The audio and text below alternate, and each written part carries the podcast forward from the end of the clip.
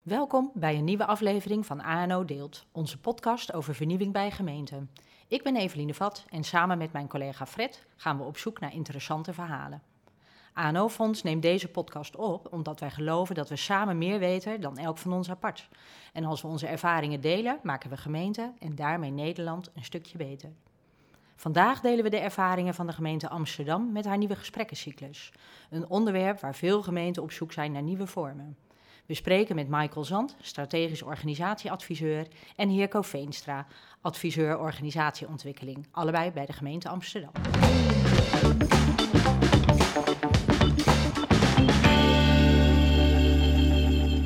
Nieuwe Amsterdamse gesprekcyclus gaan we het met elkaar over hebben. Uh, hoe de gemeente Amsterdam daar, uh, daar veranderingen in uh, aanbrengt. Nou ja, wij denken echt dat dat een onderwerp is waar uh, veel gemeenten profijt van hebben. Want iedereen is wel echt op zoek naar hoe voer je nou het goede gesprek met elkaar. Dus um, heel mooi dat jullie uh, hiermee aan de slag zijn en jullie ervaring met ons uh, en met andere gemeenten willen delen. Ja, de eerste vraag is natuurlijk altijd: waarom zijn jullie hiermee aan de slag gegaan? Hele goede vraag. um, dat, dat kwam kwam in het begin uh, op verzoek vanuit, vanuit onze eigen directeur, Dena Citriet destijds, directeur PNO bij de gemeente Amsterdam. Uh -huh. En um, de roep van de organisatie uh, was heel erg om uh, een handzame formulier op te stellen, het liefst, het liefst digitaal.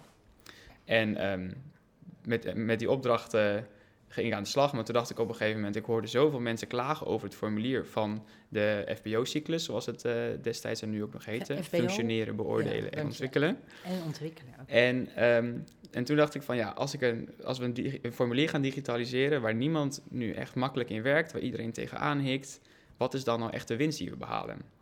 En tegelijk Goeie bij mij vraag. in die zomer begon ook Michael als collega. En toen samen met Michael hebben wij gezegd van laten we nou eerst eens gaan ophalen wat nou echt de dingen zijn waar mensen tegenaan lopen in het gebruik van het formulier, maar ook binnen deze FBO-cyclus. Laten we breder kijken, Mhm. wat, is er nou, wat, wat, zijn nou knelpunten? Ja. En die zijn we gaan ophalen, die zijn we gaan verifiëren en die zijn we gaan analyseren. Ja. En we merkten dat er heel veel energie zat in de organisatie op dit onderwerp. Um, zowel positief, maar ook negatief. Want er zijn ook echt wel dingen waar mensen mee zaten. Mhm. Um, bijvoorbeeld de strakheid van drie keer per jaar een gesprek. Uh, het formulier wat je steeds moest printen, dan nog weer moest ondertekenen, dan weer moest inscannen en dan weer moest ophangen. Mhm. Gewoon heel veel handelingen en dat leidde af van waar het eigenlijk om gaat. Ja. Het gesprek voeren. Ja. Dat manager en, me en, medewerker met elkaar in verbinding staan. Ja. En dat ontbrak gewoon. En voor die bredere aanpak die jullie gekozen hebben, daar was ook uh, draagvlak voor bij de directeur PNO. Die eerst zei, goh, maak eens een handzaam formulier. Uh, ja, dat mag. Hmm. Ik denk dat in eerste aanleg dat daar niet per definitie een draagvlak voor was. Omdat juist wat Heerko natuurlijk zegt, dat de eerste focus heel erg lag op laten we een nieuw formulier maken. Mhm. Laten we een nieuw formulier maken en laten we dat formulier ook digitaliseren. Uh, die twee dingen tezamen. En ik herinner mij, hè, mijn sollicitatiegesprek bij de gemeente Amsterdam, dat ik ook zei, ik maak beleid of ontwikkelen iets, hè, instrumentaria voor de organisatie met de organisatie zelf. Ja. En daar geloof ik ook heel erg in. En ik denk dat dat juist ook soms zeggen, de crux is geweest van dit hele traject. Dus Ja. we hebben dat met de organisatie gedaan. Ja. Uh, daar hebben we wel moeten overtuigen. Van ja, weet je, dat, daarmee werd het wat langer. We deden er een aantal maanden over in plaats van even zo gezegd twee weken. Ja. Uh, maar ik denk dat het juist wel, om zeggen, het eindproduct heeft geholpen. Ja. Okay. ja. Ja, want ik zei net, er was zowel positieve als negatieve energie op. Maar vooral die positieve energie, die kwam ook los op het moment dat je mensen vroeg van... Oké, okay, maar hoe zie je het dan voor je? Hoe, Ja. hoe wil je het dan hebben? Ja. En uh, toen zijn we ook samen de organisatie ingegaan. Nadat we die knelpunten hadden geverifieerd, hebben we ook gevraagd van... Wat is er nou nodig? Hoe, hoe kan jij nou goed het gesprek voeren Ja. over um, de dingen die je belangrijk vindt in je werk? Ja. De thema's die wij ook, uh, Ja. die wij ook uh, in de nieuwe opzet uh, aandacht geven. Ja. En toen kwam, kwam er zoveel energie los en daar zijn we ook verder mee gegaan. En die Ja. energie zat hier ook bij, hè, ik, ik hoor een beetje, maar dat is mijn vertaling. Hè. We hebben bij mensen opgehaald wat zij nou eigenlijk wilden. Dat klinkt als we hebben bij de medewerkers opgehaald Mhm. wat zij nou eigenlijk uh, wilden en vonden. Hebben jullie dat ook opgehaald bij de leidinggevenden? Want het zijn doorgaans Zeker. gesprekken tussen medewerker en leidinggevende. Zeker. En ik denk dat we daar juist hebben laten zien dat we een hele inclusieve benadering hebben gehanteerd. En we zijn zowel bij leidinggevende medewerkers, de OR, topmanagement. We zijn overal gaan praten. Ja. Wat is nu feitelijk je behoefte? Ja. Mm-hmm. En ik moet wel zeggen, hè, want volgens mij was dat ook een eye-opener voor ons twee, uh, Heerko, dat het heel makkelijk is om negativiteit te uiten over de huidige Ja. functioneren, Ja. beoordelen en ontwikkelcyclus. Ja. Maar zodra dat we de vraag stelden van wat als je dat nu loslaat en je gaat gewoon van scratch af aan tekenen. Ja. Hoe zou je dat dan doen? Hoe ziet dat gesprek eruit? Waar zit je dan?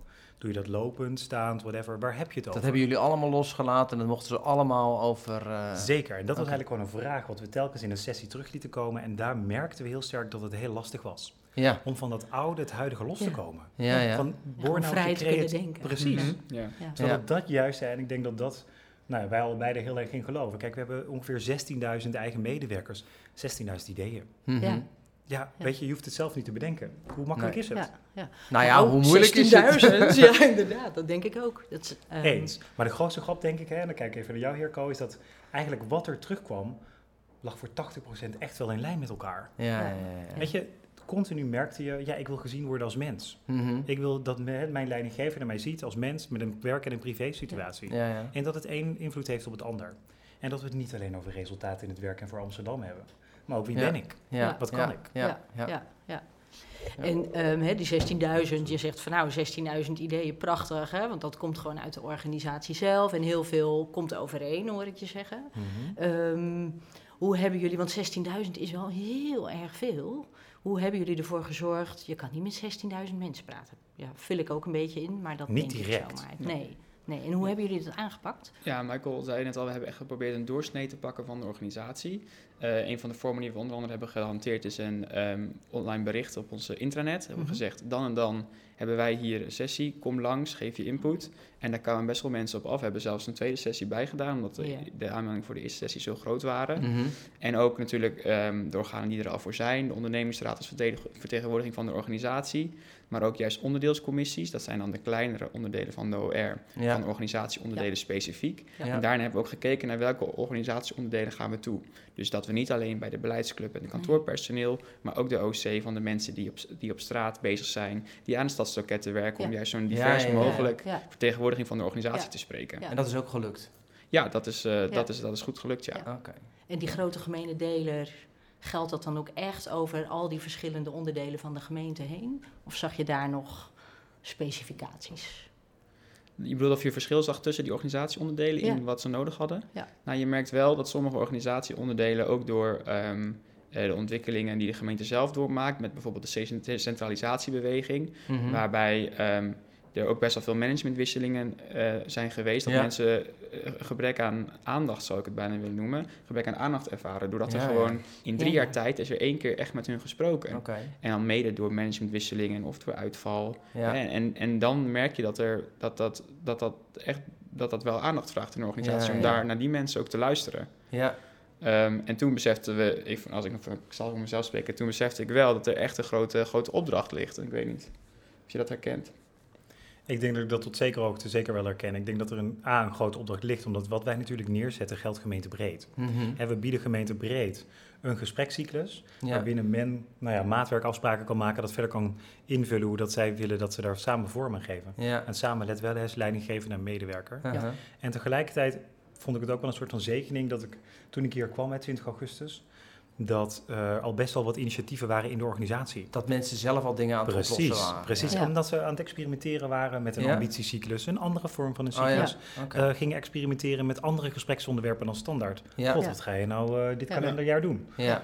Ja. Ehm, waar sta je over drie jaar? Ehm, hoe zit het met je werkplezier? Dus het kwam ook niet als een duveltje uit een doosje voor mensen. Hè? dat er wat anders ging dat komen. er wat anders ging komen. Ja. Nee, dat en ook dat die, die, het ontstaan van die andere vormen zegt alleen maar meer dat er echt behoefte is om hier iets in te doen. Want mensen willen, willen het wel. Het is wel grappig dat, je dat, dat, dat, jullie, dat jullie op een soort energie gestuurd zijn in de organisatie. Van, waarvan je van tevoren misschien dacht van nou, dat, is er, dat is er helemaal niet. Maar dat bleek, er bleken dus eigenlijk heel veel mensen ook al over nagedacht te hebben. Wat er anders kon en hoe dat anders kon. En dat, dan neem aan dat je van die energie ook gebruik hebt kunnen maken. Zeker. En ik denk dat daar wat je nu zegt is een hele interessante. Want de constatering dat inderdaad er al nagedacht is over dat het anders kan, mhm. eens. Ja. Maar hoe dan? Was vaak nog wel een beetje een ja, ja, ja, Want nogmaals, als je die vraag stelde, god, als je helemaal van scratch af aan begint... Wat wil je dan? Geen idee. Nee. Nee. Ja, ja, een gesprek, ik wil gezien worden, ja en dan. Ja. Weet je, wij hebben gewoon simpele gesprekken, we lopen door de stad, weet je, en dan hebben we gewoon een gesprek ergens over. Of het een onderwerp of privé of whatever. En dat zijn allerlei vormen die je natuurlijk daarin kunt zetten. Ja. En hoe hebben jullie, want eh, ik weet niet, mogen we er al naartoe gaan? Of, Ja, of- ik weet niet waar je naartoe Of, nou, wil, of maar, dan, eh, ik ben wel benieuwd hoe jullie, want we kunnen even inzoomen op welke, wat die knelpunten zijn. Want je hebt er al een aantal van genoemd, hè, die, die, die je bent tegengekomen.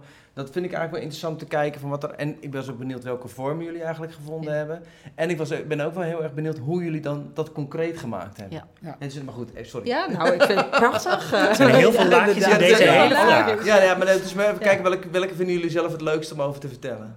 Nou, het leukst eh, zou ik eh, willen eindigen met wat hebben we dan nu gevonden hè? en wat, Ja. hebben, we, wat hebben we ook getest in de organisatie. Ja, Maar om, om het eh, duidelijk te houden, denk ik dat het goed is om even kort, toch kort bij die twee knelpunten stil te staan. ja, graag. Ehm, ja, misschien kan je me aanvullen. Maar ik dacht en ook wat ik al zei, de administratieve last van drie keer per jaar verplicht een gesprek. Maar dat, Mhm. je geeft net eigenlijk ook aan dat je dat op heel veel plekken in de organisatie dat al niet gebeurde. Nee, dat dat, dat niet gebeurde. Maar op de Ja, plek dat het dus wel wel. gebeurde, Het was- moest wel, was dan ja. moet Om maar even scherp te Ja. Ja, dat inderdaad niet Nee, goeie hoor. Ja, zeker. Eh, en waar het wel gebeurde was als moet, moet je ervaren. Ja. ehm, de romslomp rondom de formulieren. Ja, Ja. Ehm, en ehm, ja, het is, ook een, het is ook een heel lang formulier waarin heel veel onderwerpen worden besproken. Waar niet altijd nut en noodzaak van werd gezien. En dat Ja. voelt dan ook weer als extra en extra. Ja. Ehm, eh, hebben er nog dingen? Ja, dat zijn denk ik wel de... Dat zijn, wel, dat zijn de belangrijkste knelpunten Ja. die jullie tegengekomen zijn. Ja, Ja, en wat en- je, in doe aanvulling, sorry, in aanvulling daarop, hè, dat je vaak hoorde ook, en daar hadden we het natuurlijk ook ingericht, hè, dat juist een hele grote administratieve last bij die leidinggevende lag. Als jij een Ja, team hebt ja. van 20, hè, even de norm binnen de gemeente Amsterdam is 1 op 25, Mhm. dan heb je 25 medewerkers, 25 keer moet je een gesprek voorbereiden. Ja. Je moet het ook verslag leggen. Ja, En dat En drie, dat keer, drie keer per jaar. jaar. Ja. Inderdaad. Op vaste Ja. momenten in het jaar. En die Ah. mensen die moet je ja. allemaal op Ja. de, Ja. In dezelfde Ja. maand, zullen we maar zeggen, moet je Precies, een die soort vaste van... momenten, dat maakte Ja. het ook. Ja. eh, ja. En kan je daarmee samenvattend zeggen dat het met name als een administratief geheel werd beschouwd in Mhm. plaats van een goed gesprek over waar het over zou moeten gaan? Ja, dat zou kunnen, maar het effect van de administratieve last is dus dat de focus verschuift van het gesprek naar de ja, en dat, het, dat het een ja. checklist wordt. Ja. Terwijl je eigenlijk wil, ik schrijf het formulier even opzij, we hebben een gesprek en daarna kijken we wat, wat, wat verdient aan het vastgelegd te worden. Ja. En eh, hoe, hoe, hoe, hoe kunnen we gewoon het gesprek Ja. voeren. Ja. ja. En ik denk dat dat wat je nu zegt is een hele interessante. Hè? Want je merkt in al die gesprekken formulier, formulier, formulier knelt. Het doet pijn, het moet anders. En wat ik altijd heel mooi vond hè, toen ik hiervoor bij justitie zat. ehm, daar zat ik in een leidinggevende functie en het was voor mij heel simpel. Weet je, we hebben een gesprek. Hoe dat we het daar naar vastleggen, joh, dat regelen we toch. Mhm. Eh, Ja. Als het ergens niet past in een vakje, dan ik zet het ergens al neer. Zet het ergens en het anders. is ook een manier ja. hoe dat je er naar kijkt. Ja. En ik denk dat dat hebben wij ook honderd keer gezegd hè, in die zin. Het is ook, hè, nou ja, zoek de ruimte daarbinnen. Mhm. Ehm, ook al als je voelt dat het knelt. En tegelijkertijd ook een soort van voorwinstwaarschuwing. Hè, dat we, ja, we komen met een, we komen met een nieuwe gesprekscyclus. ja. Ja. Maar het Dat doen we op basis van wat, wat, wat jullie allemaal delen en wat wij horen. Maar uiteindelijk, jullie maken het succes. Ja, Ja. Dat gaan wij met een nieuw beleidskader Nee, niet doen. precies. Nee. Hetzelfde met die instrumenten. Ja. Ja, ja, want dan wordt het weer een nieuw lijstje wat je moet doen. voor je het Ja, weet het, is het eh, risico dat het weer op de loer ligt van... nou, Ja. nu is het één keer per jaar. Ja. Ja. Oh, dit formulier. Ja. Nou, Ja. tik, tik, tik, Ja. go. Ja. Nee. Ja, het, het- vraagt echt een mindset dat medewerkers ook gaan zien... hey, dit is een moment voor mij om dit gesprek te pakken... en ik kan hier op tafel leggen waar ik mee zit, wat Mhm. ik wil... Mhm. eh, waar ik aan Ja. zit te denken. En je wilt Ja. dat mensen dat zo op die manier gaan Ja. zien. Ja. Want werd het voorheen ook minder als wederkerig gesprek gezien? Nou, dat is wel een van de dingen die we heel erg terugkregen toen we vroegen van... nou, hoe zou je het dan wel graag willen zien? Ja. En dat was, was wel de wederkerigheid van... Eh, er, is misschien, er is sprake van een hiërarchische verhouding, leidinggevende me- medewerker... maar in het gesprek hoeft dat er niet te zijn. Want we hebben gewoon een gesprek van mens tot mens. Ja. En dat is natuurlijk ook zo. Ja. Je bent gewoon, je bent allebei in deze organisatie eh, om je werk te doen. Ja. Ja. En ehm, je- kan gewoon als mensen met elkaar omgaan Ja. En hoe zijn jullie gekomen? Hè? Dan heb je al die input opgehaald, heb je de knelpunten eh, eh, naar boven gehaald, heb je de wensen naar boven gehaald. Van, goh, hoe Mhm. zouden, wat zou- zouden we nou eigenlijk willen? Hè? Aan jullie de kunst om daar het hoe aan te koppelen. Eh, hoe zijn jullie toen vervolgens gekomen tot de vorm waar het nu uitgekomen is? Nou, ik denk dat daar nog één stapje bij te toe, aan toe te voegen eigenlijk is, is dat we ook op zoek zijn gegaan naar externe inspiratie. Oh, ja, wat je natuurlijk zag, hè, Achmea, wat een best wel een, vaak een krantenkop die heel veel voorbij Ja. kwam, stopt met de gesprekscyclus. Hoppakee, Ja, ja, ja. gooit Ja. het overboord, stopt ermee. Dat kregen we honderd keer terug in Ja, al die gesprekken die we hmm, deden. Kan ook, kan Ja, maar Achmea Ja. stopt ermee. Ja. Nou, we zijn daar geweest Ja. en de ervaring leert, ze stoppen er niet mee, ze gaan het alleen iets anders doen. Ja. Oké. Nou, dus we zijn bij een aantal organisaties geweest, van Landschot, eh, de NS, de Rijksoverheid, en we hebben daar gewoon gekeken, hoe doen jullie het dan? Ja. Wat bied je in die basis? Mhm. Ehm, en van daaruit zijn we eigenlijk met alles wat we hebben opgehaald gaan tekenen. van joh, als je dat hoort van nou goed, het knelt op drie gesprekken per jaar, wat als we er één zouden doen per jaar? Mhm. Hè, hoe gaan we dan zorgen dat dat ene gesprek wel plaatsvindt en dat het gesprek Ja, ja. plaatsvindt over Ja. de juiste onderwerpen? Ja.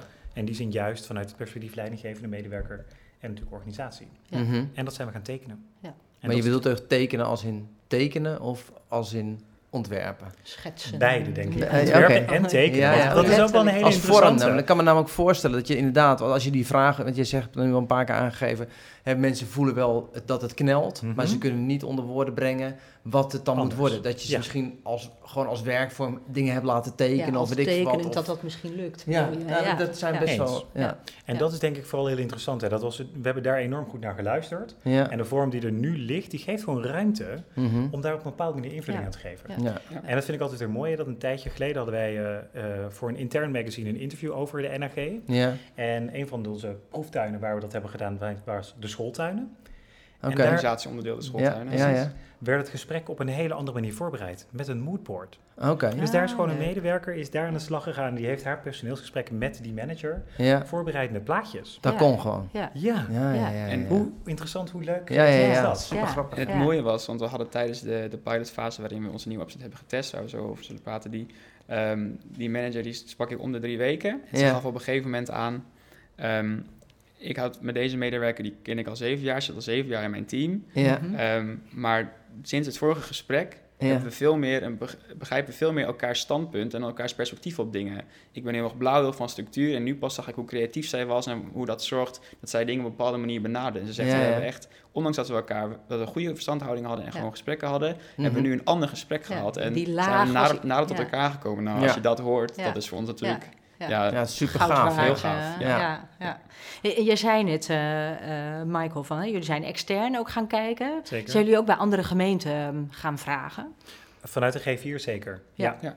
Alleen ik besef altijd wel, kijk, externe inspiratie is wel echt een onderdeel waarvan ik nou, bij elk onderwerp vind dat je dat moet halen. Mhm. En tegelijkertijd, ja, weet je, we, eh, pak de vier grote. En dat Ja. werkt voor ons prima. Ja. Ja. Nou, want ik zat mezelf een beetje af te vragen, van, goh, zit daar dan veel verschil in? Hè? Maakt het uit of je een marktpartij bent of een gemeente bent om die gesprekken goed vorm Ja. te geven? Of hebben jullie in ieder Of geval zijn die vragen ervaren... overal hetzelfde? Ja, of zijn die vragen inderdaad overal hetzelfde? Ik denk misschien, Evelien, dat de, het korte antwoord op die vraag is nee. Ik denk dat dat op zich niet uitmaakt, hè, want je hebt gewoon een werkgeverschap in te vullen. Ja. Ja. Alleen er zitten een aantal keuzes in.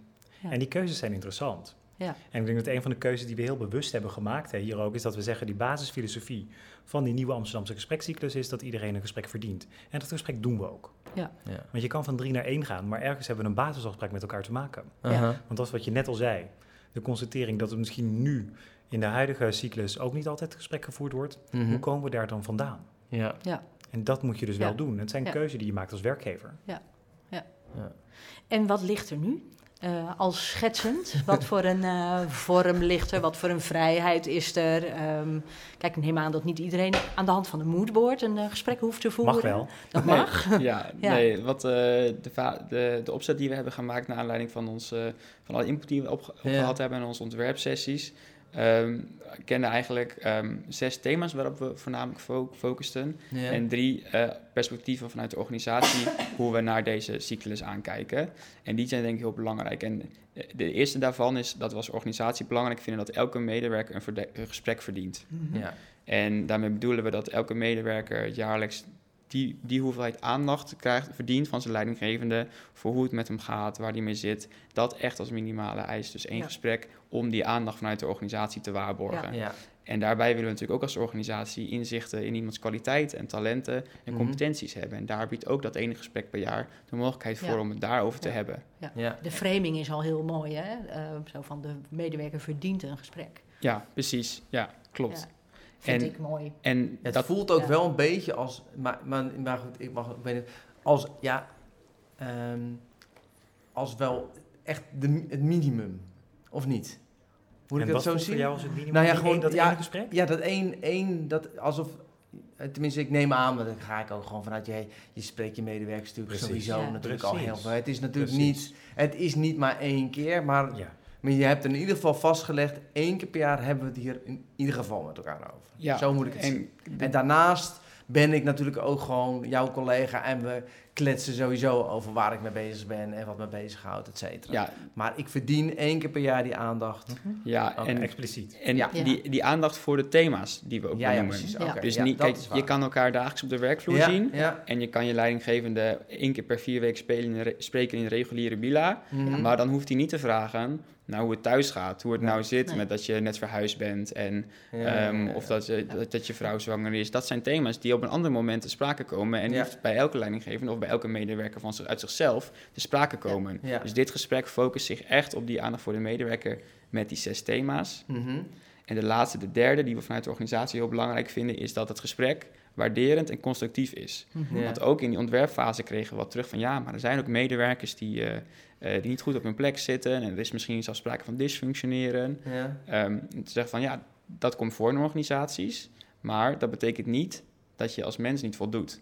Daar is gewoon een bepaalde waardering voor jou, Ja. wie je bent. Misschien kom je niet tot, niet tot je recht in deze omgeving, of past deze functie niet bij, of zijn er andere dingen waarbij je, waardoor je niet lekker in je vel zit. Mhm. Maar dat betekent niet eh, dat, dat het gesprek niet mag gaan om wie jij bent en dat daar geen waardering voor is. Ja, dus dat ja. is echt de derde, Ja. de derde vanuit de organisatie die we hebben benoemd, die heel belangrijk is. En hoe geef je dat vorm? Want dat zijn hele mooie uitgangspunten, hele mooie woorden. Mhm. Maar hoe ga je dat nou doen? Hè? Zowel als medewerker, maar ook als leidinggevende. Nou, ik denk dat we dat goed kunnen illustreren aan de hand van de zes thema's. Ja. Zeker. Ja. Ik denk dat, het- nogmaals even over dat dysfunctioneren. Dat vond ik altijd een hele interessante in, die- in al die gesprekken die we hebben gedaan. Ja, maar deze me- medewerker dysfunctioneert en die moet weg. Mhm. Maar kijk even naar de context van die medewerker. En ik merkte dat het op een gegeven moment een soort van persoonlijke kwestie of zo werd. In al die gesprekken om daar een soort van taboe te doorbreken van ja, maar je hebt daar een aandeel in als leidinggevende. Je hebt daar een verantwoordelijkheid. Mhm. En ik hoop toch heel erg dat als, als je ergens constateert dat een collega of een medewerker dysfunctioneert in jouw ogen, want let wel, het gaat vanuit een bepaald perspectief, Mhm. dat je daar in gesprek gaat. Ja, maar ja, Ja. dat is natuurlijk... Ja, dat, maar dat gebeurde natuurlijk niet. Tenminste, Nee. dat hoor ik... Tenminste, ja, wij draaien ook al een tijdje mee. Maar dat is natuurlijk in, in een overheidsland is dat natuurlijk vaak toch super ingewikkeld. Nou, Ja. laten we er dan daar een lans voor breken om dat te ja, doorbreken. nou, dat Ja, denk ja. ik ook. Dat Kom maar, weet je, ook nee, daar- dat, ik heb dat heel vaak ook gehoord. Dat, dat, dat, is eigenlijk... Het is, dat, is, dat is het wel mooie dat jullie dat... Want ook als ik dysfunctioneer, dan verdien ik dat ook. Dat je dat Ja. tegen mij zegt. En niet dat je me daar een beetje laat zitten Precies, wegkwijnen. Of denkt van, nou ja, laat hem maar. Want we Ja. praten maar niet meer met hem. Want, En hè, dat gaat vanzelf wel. Mm. ja, hij, Ja. Dan, dan stopt hij er wel een keer mee, of Ja. wat dan ook. Of, hè? En, Ja. en dat is natuurlijk, dat is eigenlijk, is dat, is dat, nog, ja, dat is echt, denk ik, ook destructief. Want iedereen weet dat. Ja. Hè, want al onze collega's weten dat. En die zitten daarnaar te kijken. Die denken, ja, nee, dat is natuurlijk verschrikkelijk. Ja. Maar goed. Ja, dat is wat jij zegt, hè, dat waarderende zit dan niet alleen in... Hè, een, er zit een mens achter de persoon die medewerker is en op Mhm. een bepaalde manier functioneert. Maar je hebt er ook het recht op om te weten wat er Precies. verwacht wordt. En Ja, nou ja, waar die verwachtingen misschien niet helemaal stroken met elkaar. Dus dat heeft twee, eh, twee kanten. En ik denk dat het Heerko ook heel mooi zei. Kijk, dat hebben aandacht voor de context waarin iets gebeurt. Mhm. Waarom eh, ehm, functioneert iemand excellent? Dat heeft ook met, met, constant, of met omstandigheden en factoren Ja. te maken. Ja, Hetzelfde is aan de andere kant. Ja. ja. Ehm, en ik denk dat als je dat doorpakt, hè, welke onderwerpen hebben we juist een hele prominente plek gegeven in deze gesprekscyclus, Mhm. Ehm, dan zeggen we van nou goed, we zien een aantal draaiknoppen in die onderwerpen, wat uiteindelijk invloed heeft op het resultaat in je werk en voor de stad. Mhm. Want let wel, dat vinden we nog steeds een belangrijk onderwerp, Ja. maar even in alle eerlijkheid niet per definitie het belangrijkste onderwerp. Mhm. Hè, dus we hebben het over leren en ontwikkelen. Ja. Want we weten allemaal, de tijd eh, verandert ontzettend snel. Mhm. Werk verandert, de kijk op werk. Mhm. Ehm, we weten niet hoe een organisatie er morgen uitziet, laat staan overmorgen. Ja. Wat we wel weten is dat we continu die ontwikkelingen moeten bijblijven. Ja, ja. Dus we vragen er ook een andere mindset, hè, dus ook van die medewerkers om daar mee aan de slag te gaan. ja. Een van de belangrijkste dingen hè, die het college in Amsterdam wil, is dat we meer doen met onze eigen medewerkers. Dus minder externe inhuur, meer met eigen medewerkers, inzet op talent Mhm. ehm, en dat we mobiliteit meer stimuleren. Eh, dus vandaar loopbaan en mobiliteit. Mhm. En, ehm, Een van onze Dat is dus een van die stokpaardjes- zes thema's, zeg maar. Precies, dat zijn Ja. er dus twee. hè. Dus leren en ontwikkelen, Ja. ontwikkelen en loopbaan en mobiliteit. Ja, ja. En het En- belangrijkste stokpaardje, zingeving en werkplezier. Oké. En het belangrijkste stokpaardje, het is gewoon een thema waar eh, wij allebei persoonlijk zelf ook heel erg mee bezig zijn. Hoe, Ja. hoe hou je oog voor de dingen die je energie geven? Mhm. Ja. En hoe ga je daarmee aan de slag? En we geloven ook echt dat als mensen zich daar bewuster van zijn, ze automatisch ook meer gaan kijken van welke ding geeft me energie, waar ligt mijn talent. Ja. En dat we daardoor in de organisatie veel meer talentgerichte, talent, talentgericht gaan werken. Oké. Op, het moment zich daar, op, dat moment, op het moment dat mensen zich daar bewuster van zijn, Ja, dan ga je als organisatie denk ik ook een omslag maken naar veel meer de juiste persoon op de juiste plek. oké. En dan krijg je, denken wij, een veel tevredener organisatie. En dat is dus een stokpaard wat jullie zelf in die zes thema's gefietst hebben. Nou, Moet ik het zo zien of is, was het een stokpaardje van... Deze vraag is veel te scherp.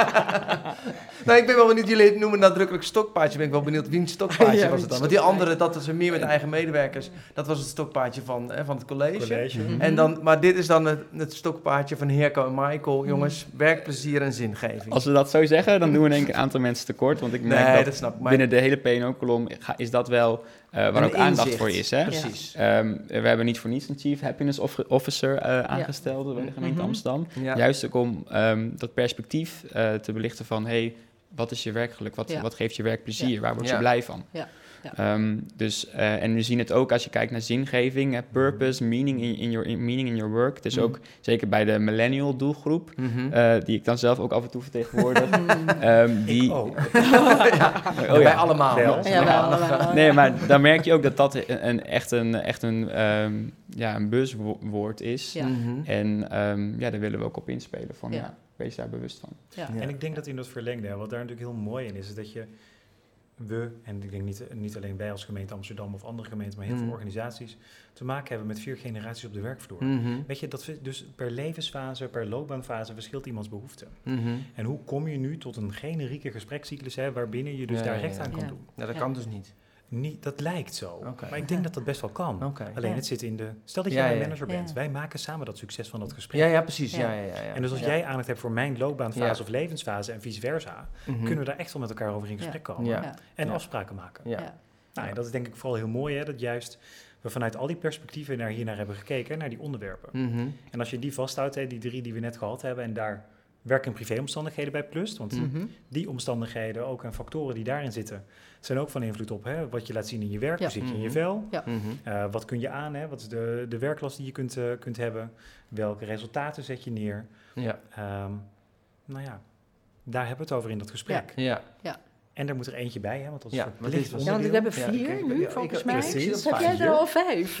Werk nou- en privé, zi- zingeving en werkplezier, loopbaan en mobiliteit en leren en ontwikkelen. Ja. En werk- en privéomstandigheden. En we hebben er inderdaad volgens mij vier. En dan de laatste was natuurlijk presteren en Ja, functioneren, sorry, wat ja. gaat over Ja, resultaat. Ja. Ja.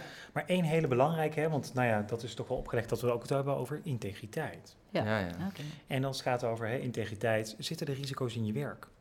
Hè, ehm, nou ja, loop je ergens het kans op een integriteitsrisico, dan wel bedoeld, onbedoeld? Ja. Ehm, hoe zit het met sociale integriteit? Hoe gaan we met elkaar om? Voel je je veilig? Voel je je thuis op de werkplek? Mhm. Heeft ook weer te maken met Ja. inclusie. Hè? We willen een Mhm. goed en inclusief werkgever zijn met een Ja. inclusieve werkcultuur. Ja. Nou, inclusief, integer, wat mij betreft haakt het in elkaar. Mhm. En daar hebben we ook heel expliciet aandacht voor als werkgever. Ja. Ja. En dat geven we dus ook hier in een plek. Ja. En daarbij stellen we ook hè, collega's de vraag van... joh, hoe draag jij nu vanuit jouw zijn, jouw identiteit bij... aan een integere, inclusieve werkcultuur? Ja. Mhm. Ja. Om ook daar te zorgen dat diegene zelf aan Ja. de slag gaat. Ja. En om het ook iets van iedereen te maken. Het is niet integriteit van het bureau integriteit, maar het is van mij Die we ook en, hebben, en van jou. Ja, Ja. ja, ja, ja. ja. Maar als ik... Sorry. Nee, Maar dat, zijn, dan is het nog... wel- Dat gesprek is wel... Het is er misschien maar eentje. Maar het is nog wel wat uitgebreid ten opzichte van het, B, het FBO... Wat, wat jullie in het begin noemden. Nou, het is, het, is, Of niet- het is er niet per definitie één. Het mogen er meer Mogen er zijn. meer zijn? Ja, Oké, ja. ja. Ja, wat je net zei, het minimum, Ja. dat is ook wat we zeggen. Minimaal één gesprek per jaar met een conclusie. Ja. En we zeggen bewust conclusie en niet beoordeling, omdat we weg willen van een beoordeling, ik vind dit van jou. Ja, ja, Maar ja. een conclusie, als Mhm. we het, heel, het geheel eh, bekijken, Ja. allesomvattend, onder andere een op 360 graden feedback van collega's, eventueel een project wat je hebt gedaan, een externe partij. Mhm. Als we dat hele beeld bekijken, komen we samen tot deze conclusie. Ja. Ja. Ik denk trouwens dat er één woordje bij moet bij wat je net zei. Tenminste één vastgelegd gesprek per jaar. Mhm. En Ja. daar zit misschien wel het verschil in. Mhm. We zeggen niet dat we, ehm, doe dit ene gesprek Ja, en je bent goeie. er. Nee, Ja. we verwachten dat je continu in gesprek bent. Ja, ja, ja, ja. Maar minimaal één keer per jaar leggen we het ook vast. Ja. Ja. Ja. Met Ja. inderdaad met Ja, precies. conclusie. Dus een Ja. evaluatie en een Ja. conclusie. Want die 360 graden feedback die jij zegt, dat is dan wel een onderdeel wat ook verwacht wordt of gewenst is. Ik weet niet meer precies welke woorden ik dan moet noemen. Uh, dat dat erbij plaatsvindt bij dat ene gesprek per jaar? Of in aanvulling op dat ene gesprek per jaar? Ja, dat is zeer gewenst, ja. Ja, ja. ja. Nou, dat is de goede term. En ik denk in alle eerlijkheid, Evelien, in sommige gevallen ook gewoon noodzakelijk.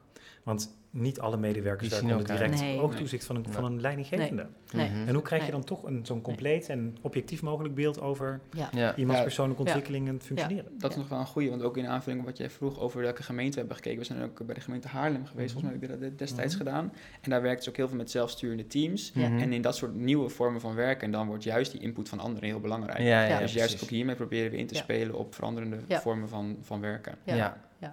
Zijn er meerdere ondersteunende dingen die jullie aanbieden. Want hè, nogmaals, heel, hele mooie woorden. Ehm, heel fijn. Wat ik in ieder geval hè, begrijp is dat medewerkers zich ook echt hierin wel herkennen hè, qua thema's. Maar dan nog eens de vraag, ja, hoe doe je dat nou? En de ene medewerker is makkelijker in praten of in tekenen of in zijn ziel blootleggen. Um, Hebben jullie iets om medewerkers en misschien ook leidinggevenden te ondersteunen bij dat gesprek? Ja, dat hebben we zeker. Ehm, we hebben uh, ook ter voorbereiding op de pilots die we gedraaid hebben met deze opzet, hebben we eigenlijk drie brochures ontwikkeld. Mhm. Ehm, en één brochure focuste zich op hoe maak je nou deze zes, zes thema's die we net besproken hebben, hoe maken we die bespreekbaar? Wat we daarbij hebben gedaan is ook naar de mensen in onze organisatie die met die thema's bezig zijn. Bijvoorbeeld de Amsterdamse school op leren en ontwikkelen. Onze Chief Happiness Officer op zingeving en werkplezier hebben we gevraagd. Wat zijn nou concrete tips van jou hoe je dit bespreekbaar kan maken. Hoe zien we dit als organisatie? Zowel tips om het bespreekbaar te maken voor de leidinggevende als voor de medewerker. En zo hebben we aan de hand van die zes thema's dus een brochure uitgewerkt die we ook hebben meegegeven aan medewerkers van hey, dit kan je gebruiken de voorbereiding op je gesprek. Heb je vraagtekens bij hoe je dit kan doen? Lees even de brochure door. Daar heb je allemaal tips en concrete vragen om daarmee aan de slag te gaan. Daarnaast hadden we nog twee andere brochures. Eentje over loopbaanfase bewust. Mhm, dus in mhm. sommige fases van je loopbaan kan je behoefte hebben aan meer, begeleiding. Ja. Als ik naar mezelf kijk, ik ben vorig jaar begonnen in deze functie en ik vond het heel fijn dat ik elk kwartaal een gesprek had met mijn leidinggevende. Ja, ja. Mhm. Ehm, maar we hebben, kregen ook terug uit het ontwerpsessie dat sommige medewerkers die richting hun pensioen gaan zeggen van nou ja, één, één, jaar, één gesprek per jaar om gewoon even dingen weer eh, scherp te hebben is voldoende. Ja. En mij vermoeien met twee extra gesprekken. En daarom zeggen we ook, loopbaanfase bewust. van kijk wat je nodig hebt. Want misschien heb jij in één gesprek ehm, per jaar richting je pensioen genoeg. Maar een ander juist weer niet. Die wil je zeggen van, hey, hoe kan ik me voorbereiden op mijn pensioen? Zijn er nog dingen die ik echt nog wil doen? Of misschien een keer heel iets anders. en zo hebben we die, loop, die brochures hebben we proberen te laten zien dat er verschillende behoeften zijn en hoe je daarmee om kan gaan. Ja, om bewust keuzes te maken ook in hè, wat wil ik nou bespreken en hoe vaak wil ik dat bespreken met mijn leidinggevende. Ja. ja. Kijk, en ik denk dat het derde was is simpelweg gewoon een hele algemene beschrijving van de nieuwe Amsterdamse ja, gesprekscyclus. Ja, gaat het ja. Weet je, dus algemeen dieper op die gespreksonderwerpen eh, en als laatste over die levens- en die loopbaanfase. Mhm. En ik denk wat daar mooi in is, hè, enerzijds om daar inzicht in te geven dat er verschil is in levens- en loopbaanfase, dat helpt enorm. Ja. Want inderdaad, als je net van school komt en je gaat je in je eerste baan, je wil kennis vergaren. En als je voordat je je pensioendatum uh, hebt gehaald, wil je kennis overdragen. Ja. Ja. Daar moeten wij als organisatie ook veel meer mee doen. Ja. Althans, daar mogen we ook meer mee doen. Ja. want ik denk dat dat vooral ook iets is van, ja, hoe doe je dat als werkgever goed? Mhm. Mhm. En hoe geef je daar gehoor aan? Ja. Ja. En ik denk dat wat de heer Cornet ook heel mooi aanstipte, dat is denk ik wel een hele belangrijke ook, is de Amsterdamse school. Ja. Want wij zien ook, hè, nogmaals, die voorwinstwaarschuwingen die we al eerder hebben benoemd, met een nieuw beleidskader, een nieuwe opzet, daarmee wordt de gesprekscyclus niet in één keer beter gemaakt. De leidinggevende en medewerker moeten doen. En inderdaad, dat heeft te maken met de mindset, vaardigheden om dat gesprek te kunnen doen. Ja. De Amsterdamse school op leren en ontwikkelen is daar gewoon een hele dikke partner in business. En zij bieden trainingen, ontwikkelmogelijkheden aan om je gesprekstechnieken te ontwikkelen. Uh, Feedbacktechnieken om dat te ontwikkelen met elkaar als collectief of als individu. Um, dus daar zijn er andere trainingen ontwikkeld dan er voorheen al waren? Of zijn die meer expliciet in beeld gebracht als behulpzaam bij deze nieuwe Amsterdamse gesprekscyclus? Ik denk dat dat een hele mooie vraag is, Evelien, want daar zit misschien nog wel een stapje voor. En dat is voor, we zijn natuurlijk aan de slag gegaan met, vijf, met een vijftal pilots. Maar voor die pilots hebben we een kick-off gedaan met Radar Vertige. En dat met is wie, met sorry? Radar Vertige. Oké. En dat is een, moet ik het goed zeggen? Een trainings- en adviesbureau. Een trainings- en adviesbureau, inderdaad. En wij werkten samen met twee tracteurs. dat was het woord, tracteurs inderdaad. Okay trainers en acteurs. Ja, ja, precies. En daar hebben we dus, zullen we zeggen, ervoor gekozen om op een hele ludieke, bijna toneelachtige manier die nieuwe Amsterdamse gesprekscyclus over de bühne te brengen. Ah. En de grootste grap is, ik zal het niet vergeten, dat bij de eerste sessie die we hadden, um, met collega's, dat is toch wel best wel een onderzoek- en beleidsclub. Uh, dat uh, Rebecca, een van de tracteurs daar, al zingend binnenkwam en serieus een aantal collega's dus qua naam aansprak. Mm -hmm. En dus echt gewoon zingend vroeg van, doe je mee met de NAG? Ja. Dat de collega's zich zo van, wow.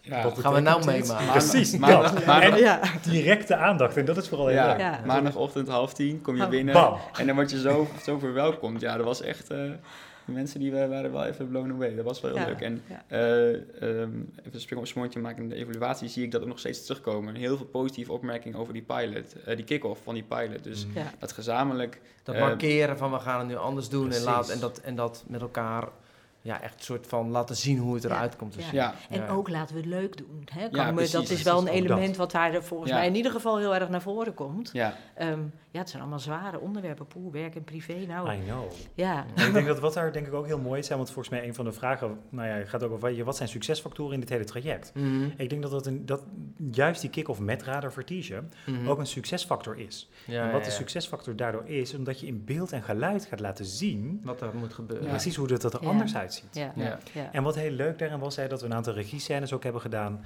en dat de collega's van de pilotorganisaties daarin konden interveneren. Ja. Uh, nou ja, een deel van de groep die kon die medewerker aansturen, zullen we zeggen, en een deel kon die leiding geven. Oh ja, dus dan werd dus je stopte bij wijze van spreken op een gegeven moment met acteren en dan kun je zeggen van nou, ik vind je moet nu dit of je moet dat. Ja. Ja.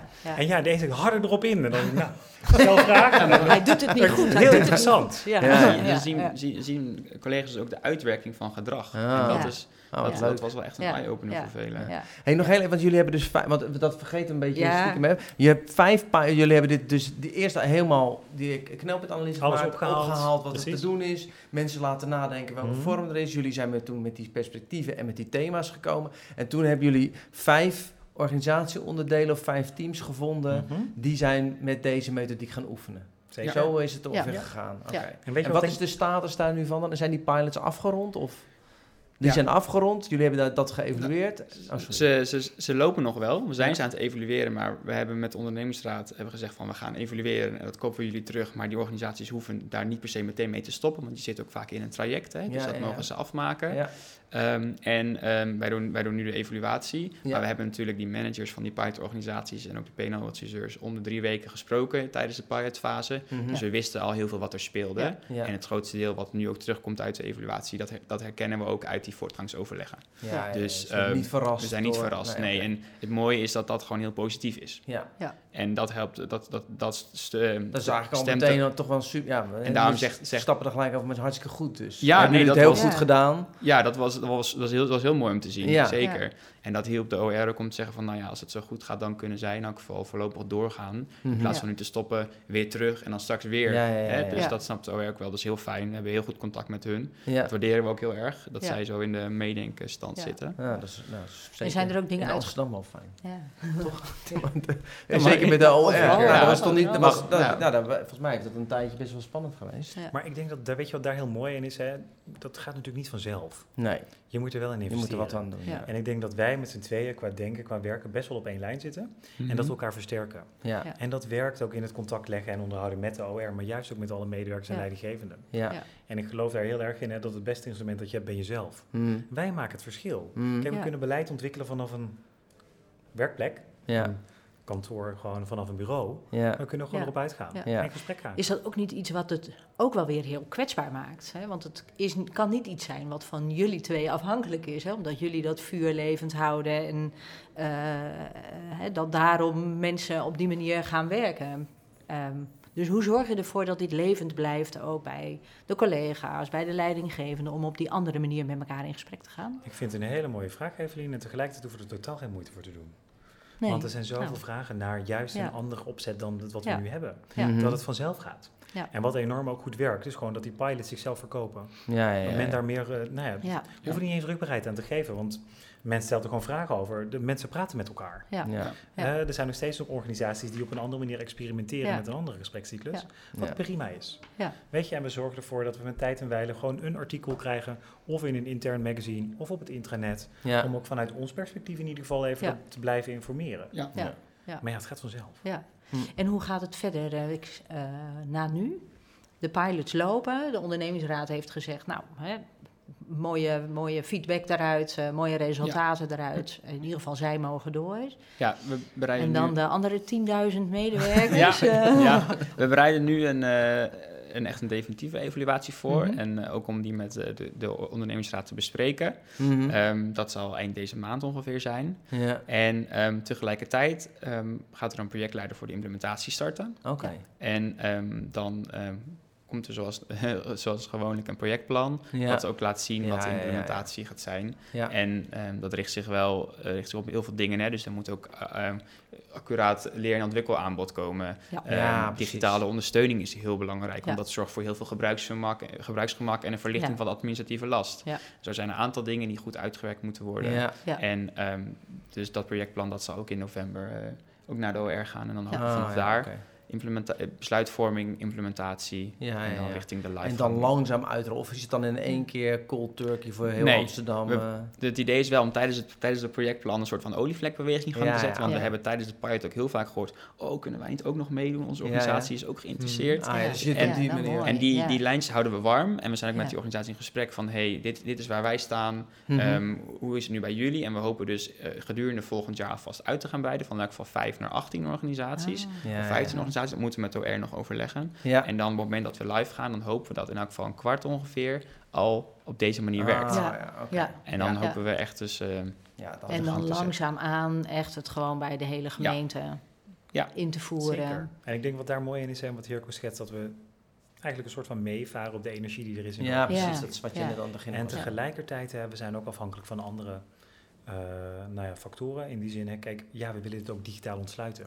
Dan Mhm. hebben we te maken met een aanbestedingstraject. Ja, Ja, Dus, kijk, oh ja, precies, tegelijkertijd, met andere hè, dat- fenomenen I know. heb je te maken. Dus ook ja. met leren ontwikkelaanbod, Ja. dat moet aanbesteed worden, dat moet ingekort worden. Mm. Als dat Ja, hè, ja, niet zelf ja, doen. ja, Ja. ja. Dus wil je Ja. die implementatie goed Ja. doen, hè, daar nemen we gewoon de tijd Ja. voor. Ja. Om dat goed vooruit te kunnen zien, welke aspecten moeten we Ja. eh, realiseren en hoe zetten we dat weg in de tijd. Ja. Ja. Ja. En besluitvorming is natuurlijk Ja. ontzettend belangrijk. Hey, maar krijgen jullie nu nog wel een nieuwe opdracht? Want ik, ik heb, jullie moesten een handzaam formulier ontwerpen. ja, En, en, en jullie hebben er gewoon de hele organisatie overhoop gegooid met, een, eh, met drie eh, perspectieven, zes thema's, en vijf pilots. ja. En, eh, Nou, ik En denk dat in alle, officer, ja. ik denk dat in alle eerlijkheid dat aan werk geen gebrek. Dus er is Nee. zoveel te doen. ja. ja, Je volgens mij wel wat Maar meer maar wat-. Nou, het is wel terecht punt. Soms vroeg ik me wel af van, wat hebben we ons op de hals Wat heb gehaald? je hier Ja, ja, gehaald? Ja, Ja. ja, ja. Ja. ja. Maar- zeker.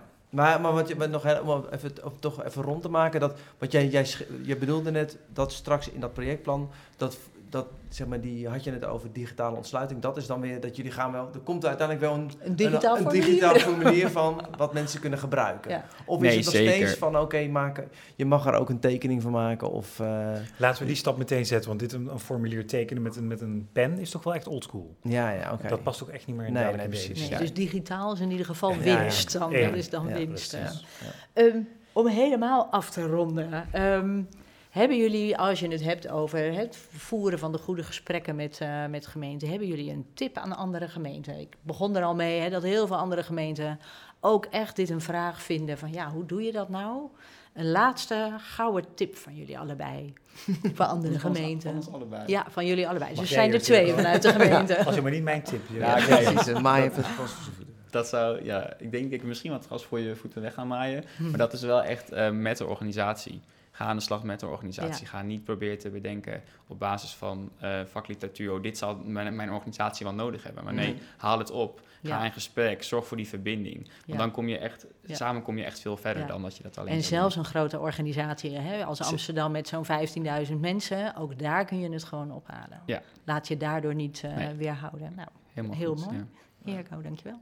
En inderdaad, daar is het gas voor het grotendeel wel van de voeten weggemaaid. Ah, Maar ik denk dat juist in dat verlengde, begrijp eerst voordat je iets aan gaat doen. ja. Dus begrijp Ja. de behoefte in de organisatie. Ja, En Ja. dat doe je door in gesprek te gaan. En wat je Ja. zegt, Evelien, heel mooi. Maakt niet uit 15.000, 16.000, wie heb je er 30.000. Ja. Het kan. ja. Ja. En daarbij denk ik als slot, zorg ervoor dat je een representatieve afspiegeling betrekt. Mhm. Want niet Ja. iedereen is hetzelfde. En dat merken wij ook, hè, de collega's in de schoonmaak. Die hebben echt iets anders nodig ja. dan wanneer we kijken naar het topmanagement. Ja. Ja. Maar Ja. wat wel grappig, wat, dat is wel knap, is dat jullie juist toch, want voor al die groepen, die gemene deler hebben gevonden. Dat is natuurlijk toch wel knap.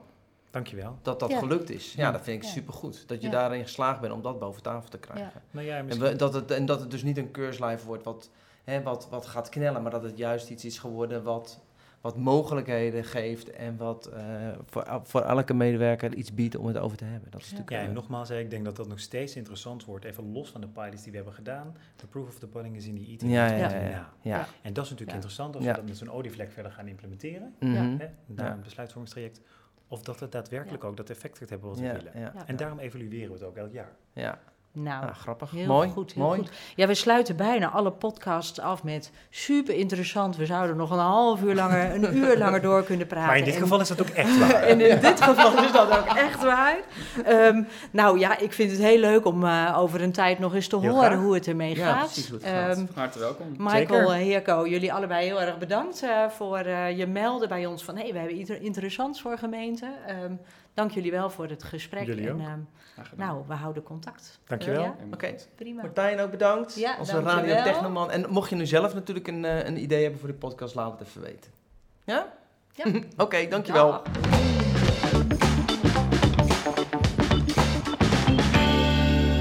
Je luisterde naar een aflevering van ANO Deelt, onze podcast over vernieuwing bij gemeenten.